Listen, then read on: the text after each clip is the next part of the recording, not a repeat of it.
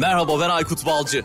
Artık ofiste beraberiz. Günlük çalışma ortamında yaptığımız sohbetleri, kahve aralarında konuştuğumuz hikayeleri, keyif aldığımız her şeyi ve çok daha fazlasını Hedef Filo'yla Değişik Kafalar podcast'inde konuğumla birlikte konuşuyoruz. Biz değişik kafalarız. Hedef Filo'yla Değişik Kafalar podcast'inin yeni bölümünden herkese merhaba. Bu bölümde konuğum yönetim danışmanı, eğitmen ve yazar, aynı zamanda İnsan Kaynakları Meslek Derneği İcra Kurulu üyesi Canan Duman. Canan Duman da şu anda karşımda. Hoş geldin Canan. Hoş bulduk Aykut, merhabalar. Çok teşekkür ediyorum bu bölümde konuğumuz olduğun için. Çok güzel bir işe imza atmışsınız şirketler için önemli olduğunu düşündüğüm bir konuda bir farkındalık yaratıyorsunuz. Afet ve acil durum eylem planını hazırlamışsınız. Daha doğrusu böyle bir rehber hazırlamışsınız. Önce hemen şunu sorayım. Böyle bir rehber hazırlama nereden aklınıza geldi demeyeceğim tabii ki. Ülkemizde yaşadığımız büyük bir afet var ama yani şirketler tarafında böyle bir istek mi geldi size yoksa bunu yapmamız gerekiyor diye ön mü gördünüz? Aslında şöyle Aykut, İnsan Kaynakları Meslek Derneği olarak e, biz tüm ekip üyelerimizle birlikte birlikte böyle bir plana ihtiyaç olduğuna karar verdik. Öncelikle zaten yaşadığımız bu yıkıcı depremin arkasından hızlı bir şekilde iş dünyasına yol gösterici olması adına 20 e, maddelik bir yol haritası sunduk ve burada işverenin ve çalışanın haklarının nasıl korunacağını beyan etmeye çalıştık. E, arkasından da bu 20 maddelik yol haritasının içinde belirtmiş olduğumuz bir afet ve acil durum eylem planı nasıl hazırlanır konusunu açma ihtiyacı duyduk. Çünkü burada işletmelerin bir afete nasıl hazırlanması gerektiği ve bunun için bir checklisti nasıl oluşturacağını, bunu nasıl bir kılavuz haline getireceği ve bu planlamayı nasıl uygulayacağına dair bir yol haritasına da ihtiyaç olduğunu gördük. E, bu nedenle bu çalışmaya imza attık. Özellikle Türkiye'de şu anda herkes hem fiziksel hem de ruhsal anlamda zararla karşılaşmış durumda. İşte maddi hasarlara uğrayan önemli ölçüde işletmeler var. Bunların işleri sekteye uğramış durumda. Ki zaten siz de raporda rehberde bunu yazmışsınız. Bu afet tehdidi gerçekleşmeden önce bir plan oluşturmamız gerektiği konusunda bir farkındalık yaratarak bu eylem planını oluşturmuşsunuz. Bu eylem planında neler var? İşletmeler nasıl başlamalı? Nereden başlamalı? Aykut şunu belirteyim. Bir kere iş yerini hazırlamak, depreme hazırlamak, evimizi depreme hazırlamak kadar önemli. Çünkü biz bir afet bölgesinde ya da bir afete maruz kalacaksak eğer önceden tüm bu riskleri belirlemeli. Hem kendimiz için bireysel olarak hem de işletme olarak tedbirlerimizi almak durumundayız. E burada da tabii iş dünyasına bir takım sorumluluklar düşüyor. En azından bu hazırlıkları yapma noktasında. Burada bir acil eylem planının oluşturulması noktasında özellikle İSG'cilere ve insan kaynakları yetkililerine iş düşüyor. Kaldı ki her ne kadar bu iş genellikle İSG'cilerin sorumluluğunda gibi görünüyor olsa da özellikle insan kaynaklarının işte bu eki eğitimlerin planlanması ve bu e, ekiplerin oluşturulması, ve insanların yetkinliklerine göre belki de içerideki işte bu koruma ekipleri, söndürme ekipleri ya da ilk yardım ekiplerinin oluşturulması noktasında da bir görevi olduğunu belirtmek istiyorum. Dolayısıyla burada şirketlerin hızlı bir şekilde şunu yaptığını gördük. Bizden talep ettikleri şey işte bir e, afet ve acil eylem durumuna yönelik olarak bir afet bilinci ve farkındalığı oluşturmaya yönelik bir eğitim talebi hızla geldi. Ardından da işte tatbikatın da dahil edilebileceği bir günlük eğitim programlarına yönelik taleplerden bahsediyoruz. Ama artık geldiğimiz noktada bundan çok daha öte bir durumdayız. Çünkü afet dediğimiz zaman sadece depremi algılamamalıyız. Çünkü e, artık kuraklığın da, sellerin de, yine orman yangınlarının da, salgınların da artık afet tanımı içerisine girebildiğini görüyoruz. Dolayısıyla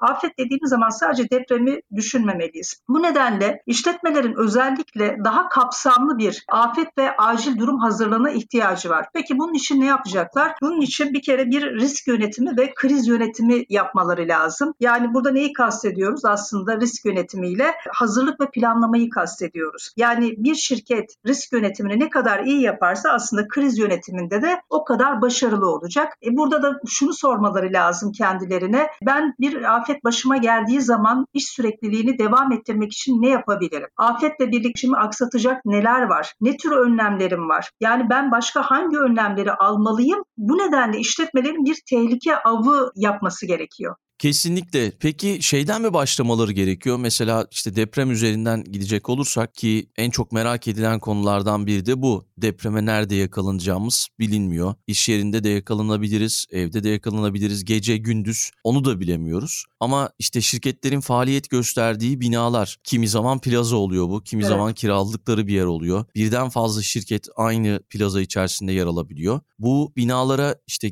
güvenmek zorundadır demişsiniz rehberde. Evet. Bu binaların şu anda tehlikeli olup olmadığını eminim ki birçok şirket baktırıyordur uzmanlara. Evet. Bu anlamda o plazaların idari işleri mi ön planda olmalı? Onunla birlikte şirketler mi ortak çalışmalı? Nasıl güçlendirilmeli yapılar? Şimdi şöyle söyleyeyim bir kere işletmelerin hani sismik güçlendirme gerekip gerekmediğini görmek için binalarını mutlaka denetlemeleri tavsiye ediliyor. E bunun için de bildiğin üzere yapı denetim şirketleri var. Bunun üzerinden bu denetimleri gerçekleştirebilirler. Bir kere zaten bulundukları nokta itibariyle özellikle Maraş depreminde gördüğümüz şeylerden bir tanesi şuydu. Fay kırığına yakın olan yerlerde üretim yapan fabrikalar bildiğin üzere daha fazla etkilendiler depremden. E, bulundukları lokasyonun böyle bir tehlike arz edip etmediğine de mutlaka bakmaları gerekiyor. Ve afet ve acil durumlar hani sadece zaten meydana geldikten sonra müdahale gerektiren durumlar değil. Bu yüzden tüm firmaların afet öncesi, sırası ve afet sonrası hazırlıklarını yapması gerekiyor. Şimdi dedik ki binalar tabii ki en önemli kaleleri şirketlerin ve firmalar mutlaka binalarına güvenmek zorundalar. Ama burada yapısal tehlike arz ediyor mu binaları bunun farkına varmaları gerekiyor. E, bunu da ortadan kaldırabilmek için binalarının yapısal güçlendirmelerini gerçekleştirmeleri ve binanın tekrar belki de inşasını düşünmeleri de gerekebiliyor. Bir de galiba yapısal olmayan tehditler var. Evet. Onlar içinde şirketler kendi içerilerinde aksiyon alması gerekiyor herhalde. Evet şöyle söyleyeyim sana. Şimdi eğer e, bununla ilgili kapsamlı bir hizmet alınacaksa dışarıdan bir danışmanla çalışılacaksa o zaten olası bütün tehlikeleri ortaya koyuyor. Yani bir tahliye anında çalışanların şirketten nasıl tahliye edileceği, sonra güvenli alanlara nasıl nakledileceği ya da işte içerideki bu arama, kurtarma, ilk yardım, söndürme gibi ekiplerin nasıl oluşturulacağı ve sonra işte e, gerekli teçhizatların, araçların temin edilmesi, hangi hazırlıkların yapılması lazım? İşte mobil ya da gezici araçlar, jeneratörlerin hazırlığı, diğer taraftan kablosuz haberleşme, uydu haberleşme imkanlarının oluşturulması gibi şeylere de ihtiyacımız var. Dolayısıyla bu hazırlıkları önden yapmamız gerekiyor. Onun için artık hani afet bilinci ve farkındalığı ya da işte bir günlük tatbikat eğitiminden çok ötede noktada izlememin e, amacı da bu aslına bakarsan. Çünkü her işletmenin özellikle gelir kaybı yaşamaması ve faaliyetlerinin en azından 6 ay ya da 1 yıl gibi daha uzun bir süre durmaması için e, bu hazırlıkları yapması oldukça önemli. Çünkü deprem bölgesinden aldığımız bilgiler özellikle tabii çok fazla etkilenen işletmelerin 6 aydan önce normal faaliyetlerine dönemeyeceği yönünde tüm bu bilgiler aslında bizim için biraz referans oluşturuyor. Kesinlikle. Yani yapılacak çok iş var aslında. Hepsini bir plan dahilinde sizin bir rehber hazırlayıp bize sunmanız yani ve bunu gönüllü olarak yapmanız çok değerli diye düşünüyorum. Teşekkür ederim. Bu arada şunu belirteyim Aykut aynı zamanda tabii şirketlerin önemli evraklarını yedeklemesi gerekiyor. Bir taraftan tabii sigortalarını bizim e, elementer sigorta dediğimiz hayat dışı sigorta olarak tanımladığımız yani deprem anındaki o işte riskleri analiz eden sigortalarını, poliçelerini kontrol ettirmeleri gerekiyor. Olası yıkıcı bir depremde ya da afette e, bu risklerin ne kadarını karşılıyor? Bu poliçe yeterli mi? Buna mutlaka bakmaları gerekiyor. E bir taraftan şirketlere şunu öneriyoruz. Afet fonu oluşturun. Çünkü artık gezegenimiz için tehditler her geçen gün artıyor bildiğin gibi. E hal böyleyken işte bu gelir kayıplarını aza indirebilmek için işletmelerin özellikle pandemi döneminde de dile getirdiğim gibi bir afet fonu oluşturması gerekiyor. Bir taraftan da işte tüm personelin afet bilinci eğitimi almasını sağlayalım ama bu şöyle olmalı. Tüm bu eğitimler uygulanabilir olmalı, pratik olmalı ve herkes tarafından anlaşılır olmalı. Yani öyle Google'dan işte eylem planı nasıl hazırlanır, tedbirler nasıl oluşturulur gibi bir mantıkla yol alamayız. Dolayısıyla ya da yabancı kaynakları arayıp oradan hazır bir takım kılavuzları, rehberleri indirerek yol alamayız. Bu şöyle söyleyeyim sana her şirket için afetin tanımı farklı. Yani yazılım şirketi için bir afet demek bir siber saldırıya maruz kalmak demektir. Ama bir kimya sektörü için bu e, bir patlama demektir. Dolayısıyla işte bu her şirketin üzerine dikilecek özel bir elbise gibi bu acil eylem e, planlarının şirketlere özel hazırlanması, hazırlanması hazırlanmasının yanı sıra bunların artık yazılı ve basılı olarak kalmaması, uygulanması ve bundan sorumlu olacak kişilerin de mutlaka belirlenmesi ve bunun da çalışanlara da tebliğ edilmesi gerekiyor. E, çok haklısın. Yani sadece deprem üzerinden gitmiyoruz. Yangın konusu da çok çok önemli ki zaten deprem sırasında zaman zaman ekranlara da yansıdı. İşte yıkılan binalar içerisinde önemli evraklar olduğu söylendi bazı devlet kurumlarında. Ama o devlet kurumları bunların yedeklerinin olduğunu söylediler ki şirketler de emin eminim ki bu konuda çok önemli evraklar konusunda yedekleme yapmayı bundan sonra eğer yapmadılarsa, yapmıyorlarsa dikkate alacaklardır diye düşünüyorum. Sigorta konusu da çok çok önemli. Önümüzdeki yıllar içerisinde daha da önemli hale gelecek. Peki şey bölgedeki firmalar hakkında bir çalışma yaptınız mı? Onların şu anda en çok ihtiyacı olan kalemler neler? Yani en çok onları neler zorladı? Şöyle söyleyeyim aslında Aykut bölgede demografik olarak bir tabii bozulma söz konusu ve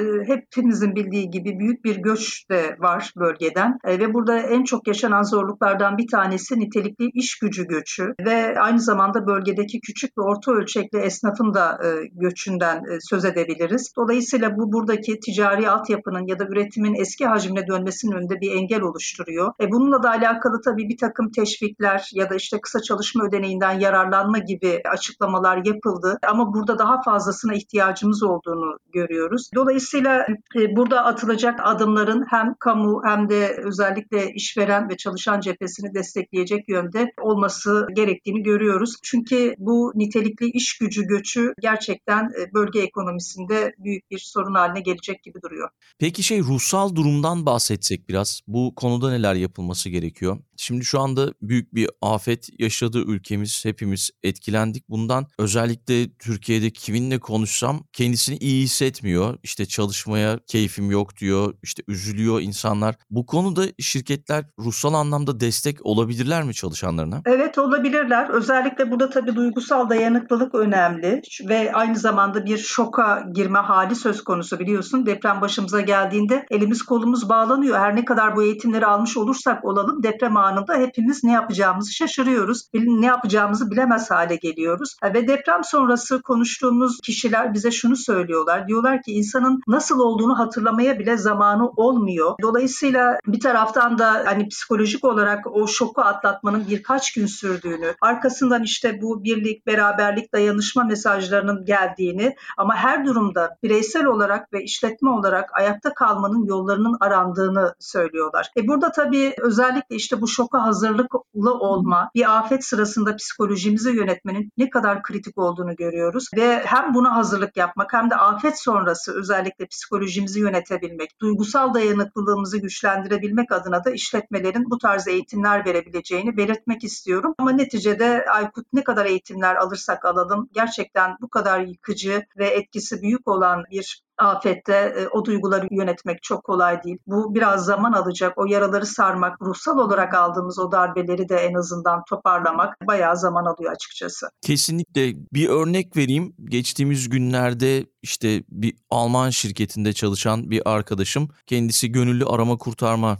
ekibine katıldı. İşte yaklaşık 10 gün belki de daha fazla orada işte insanlara yardım etti. Sonra geri döndüğünde şirketi ona bir 10 gün ya da 15 gün yanılmıyorsam izin vermiş. Dinlenmesini söylemiş ve sonrasında da ona psikolojik destek sağlamış. Bu çok hoşuma gitti açıkçası. E, çünkü kendisini iyi hissetmiyor. Zaten bu bahsettiğim Türkiye, Türkiye tarafında oldu bu. Yine Alman şirketi ama işte Türkiye onu belirtmedim. Tabii şirketlerin bu anlamda bu dönem içerisinde çalışanlarını da belki biraz daha hassas davranması gerekiyor. Çünkü herkes çok üzüldü, hepimizin psikolojisi bozuldu. Yani bir yakınımızı kaybetmesek bile sonuçta bizim insanlarımıza oldu olan. O yüzden bu açıdan da önemli olduğunu düşündüğüm için bu soruyu sormak istedim. Onun dışında evet. yasal anlamda bir takım şeyler var, maddeler gördüm. Evet. O konuda neler yapılıyor? Şimdi şöyle söyleyeyim. Biz bu çalışmayı yaparken Biruni Üniversitesi'nden Emre Aydın'ın danışmanlığında yaptık bu çalışmayı. Çünkü bu konuda bir uzman görüşüyle yola çıkmanın çok daha etkili olacağını düşündük. E, çünkü afet yönetimi belli bir uzmanlık alanı. Dolayısıyla bizim tabii her konuda konuşmamız doğru olmayacaktır. Bu nedenle bu çalışmayı yaparken bu alanda yetkin birisiyle çalışmayı tercih ettik. Ondan aldığımız bilgiler neticesinde en azından azından şunu aktarabilirim. Burada onun yönlendirmesiyle işte firmalar olası yangınların önlenmesi için 26735 sayılı binaların yangından korunması hakkında yönetmeliğe uygun önlemleri almalıdır demişti bize. E, ve bir taraftan da işte firmalar personelleri arasından faaliyet gösterdikleri iş kolunun tehlike sınıfına göre 28681 sayılı iş yerlerinde acil durumlar hakkında yönetmeliğin 11. maddesinde yer alan söndürme ekibi, kurtarma ekibi, koruma ekibi ve ilk yardım ekibi oluşturmalı ve bu ekip üyeleri düzenli eğitimler ile afet ve acil duruma hazır hale getirilmeli ve ekiplerin görev tanımları önceden yapılmalı gibi. Bunun yanı sıra yine her firma 6331 sayılı İş Sağlığı ve Güvenliği Kanunu'nun 6. maddesinde belirtildiği üzere iş yerinde tehlike sınıfına ve çalışan sayısına göre iş güvenliği uzmanı istihdam etmeli ve kanuna ilave olarak her iş yeri bünyesinde bir afet yönetim uzmanı da istihdam edilmeli. Burada İSG'nin önemini görmüştük ve belki de bununla ilgili bir birim dahi kurulabilir. Ama sana şunu söyleyeyim e, Aykut bu iş artık şirketlerde bir kişinin yan işi olmamalı. Bir kişinin asıl işi olmalı. Dolayısıyla hani sorumluluğu birine devrederek e, bundan kurtulamayız. Tepe yönetimlerin bu işleri desteklemesi, bu hazırlık planlarını ve uygulama aşamasında da desteklemesi ve buna kaynak ayırmasının da çok önemli olduğunu belirtmek istiyorum. Kesinlikle ben de katılıyorum ki zaten rehber içerisinde belirtmişsiniz. Özellikle yeni işe başlayan personele oryantasyon eğitimi verilirken afet ve acil durum eylem planı konusunda da eğitim verilmeli diye. Evet. Bu mesela bence şirketlerin şu anda yapmadığı bir şey. Bundan sonra mutlaka yapılmalı ve zaman zaman böyle büyük depremler oluyor ki böyle çok büyük bir depremle uzun zamandır karşılaşmadık ama işte 5 şiddetinde 6 şiddetinde depremlerle karşılaşıyoruz. Sonra böyle bir yükseliyoruz bir şeyler evet. yapalım diye. Ondan sonra depremlerin etkisi geçtikten sonra unutuyoruz. Umarım bundan sonra unutulmaz. Herkes üzerine düşen görevi en iyi şekilde yapar. Bu rehber de gerçekten çok etkili olmuş. Bunu paylaşabiliriz değil mi şey podcast'in açıklama kısmında? Evet, evet çok mutlu oluruz Aykut. Daha çok kişiye ulaşmasını istiyoruz. Bir taraftan da şunu ekleyebilir miyim? Belirli ve belirsiz iş sözleşmeleri var biliyorsun iş yerlerinde. Çalışanlar e, için düzenlediğimiz. Burada mutlaka mücbir sebepler maddesinin artık sözleşmelere eklenmesi gerekiyor. Neyi kastediyoruz? Yani bir doğal afet sırasında çalışanın ve işverenin hakları ne olacak? Şimdi deprem bölgesinden gelen bilgilere göre bazı insanların hasar almış binalarda çalışmaya zorlandığını öğreniyoruz. Ya da ücretsiz izne çıkarıldığını ama bu ücretsiz izin ne kadar süreceğine dair bir takım bilgiler paylaşılmadığını da görüyoruz. E tabii bu, bu bölgede kalan çalışanlar için de büyük bir belirsizlik oluşturuyor. Bunu da göz önünde bulundurmak lazım. E, o nedenle işverenler çalışanların afet sırasında ve sonrasında yönetmek zorunda kalabilecekleri çeşitli çalışan hakları üzerine çalışmalılar ve afetten sonra izin hakları ne olacak, ödeme koşulları, sağlık ve güvenlik nedenleriyle çalışmayı reddetme hakkı gibi hani her şirketin kendine özel bir içerikle artık bu belirli ve belirsiz iş sözleşmelerine e, mücbir sebepler e, başlığı altında bu açıklamaları yapmasının da yararlı olacağını düşünüyorum. Evet bu son söylediğin de çok çok önemli gerçekten. Mutlaka şirketler de hatta çalışanlar belki işe başvururken beyaz yakalar da ya da mavi yakalar bunu dikkate alacaktır. Belki sözleşmesinde böyle bir madde olması gerekliliğini savunacaktır diye düşünüyorum. Valla her şeyi konuştuk ama daha da konuşuruz aslında. Bu konu çok çok önemli. Çok çok teşekkür ediyorum katıldığın ben için. Ben teşekkür ederim Aykut davet ettiğin için. Umarım bir farkındalık yaratabiliriz. Bizi dinleyen beyaz yaka, mavi yaka ya da çalışanlar biz bir kariyer podcast'iyiz ama yani şirketlerin bizi yakından takip ettiğini biliyorum. Onlar için bir yol göstermiş oluruz. Çok çok önemli bir konuya dikkat çekmişsiniz farkındalık yaratmak adına. Çok çok sağ olun. Teşekkür ediyorum tekrar burada olduğun için. Ben teşekkür ederim. Son olarak şunu söyleyeyim. Yani bir sonraki depremin ne zaman olacağını bilmiyoruz. Ancak hayatta kalmak ve etkisini en aza indirmek için şimdiden harekete geçebiliriz. Dolayısıyla önemli olan plan hazırlamak, planı bilmek, bütün çalışanlara duyurmak, uygulamak ve bunu da yapabiliriz diye düşünüyorum. Kesinlikle. Çok çok teşekkürler. Ben teşekkür ederim Aykut. Tekrar buluşmak üzere. Tekrar görüşmek üzere. Teşekkürler. Türkiye'nin öncü filo kiralama şirketi Hedef Filo'yla değişik kafalar sona erdi.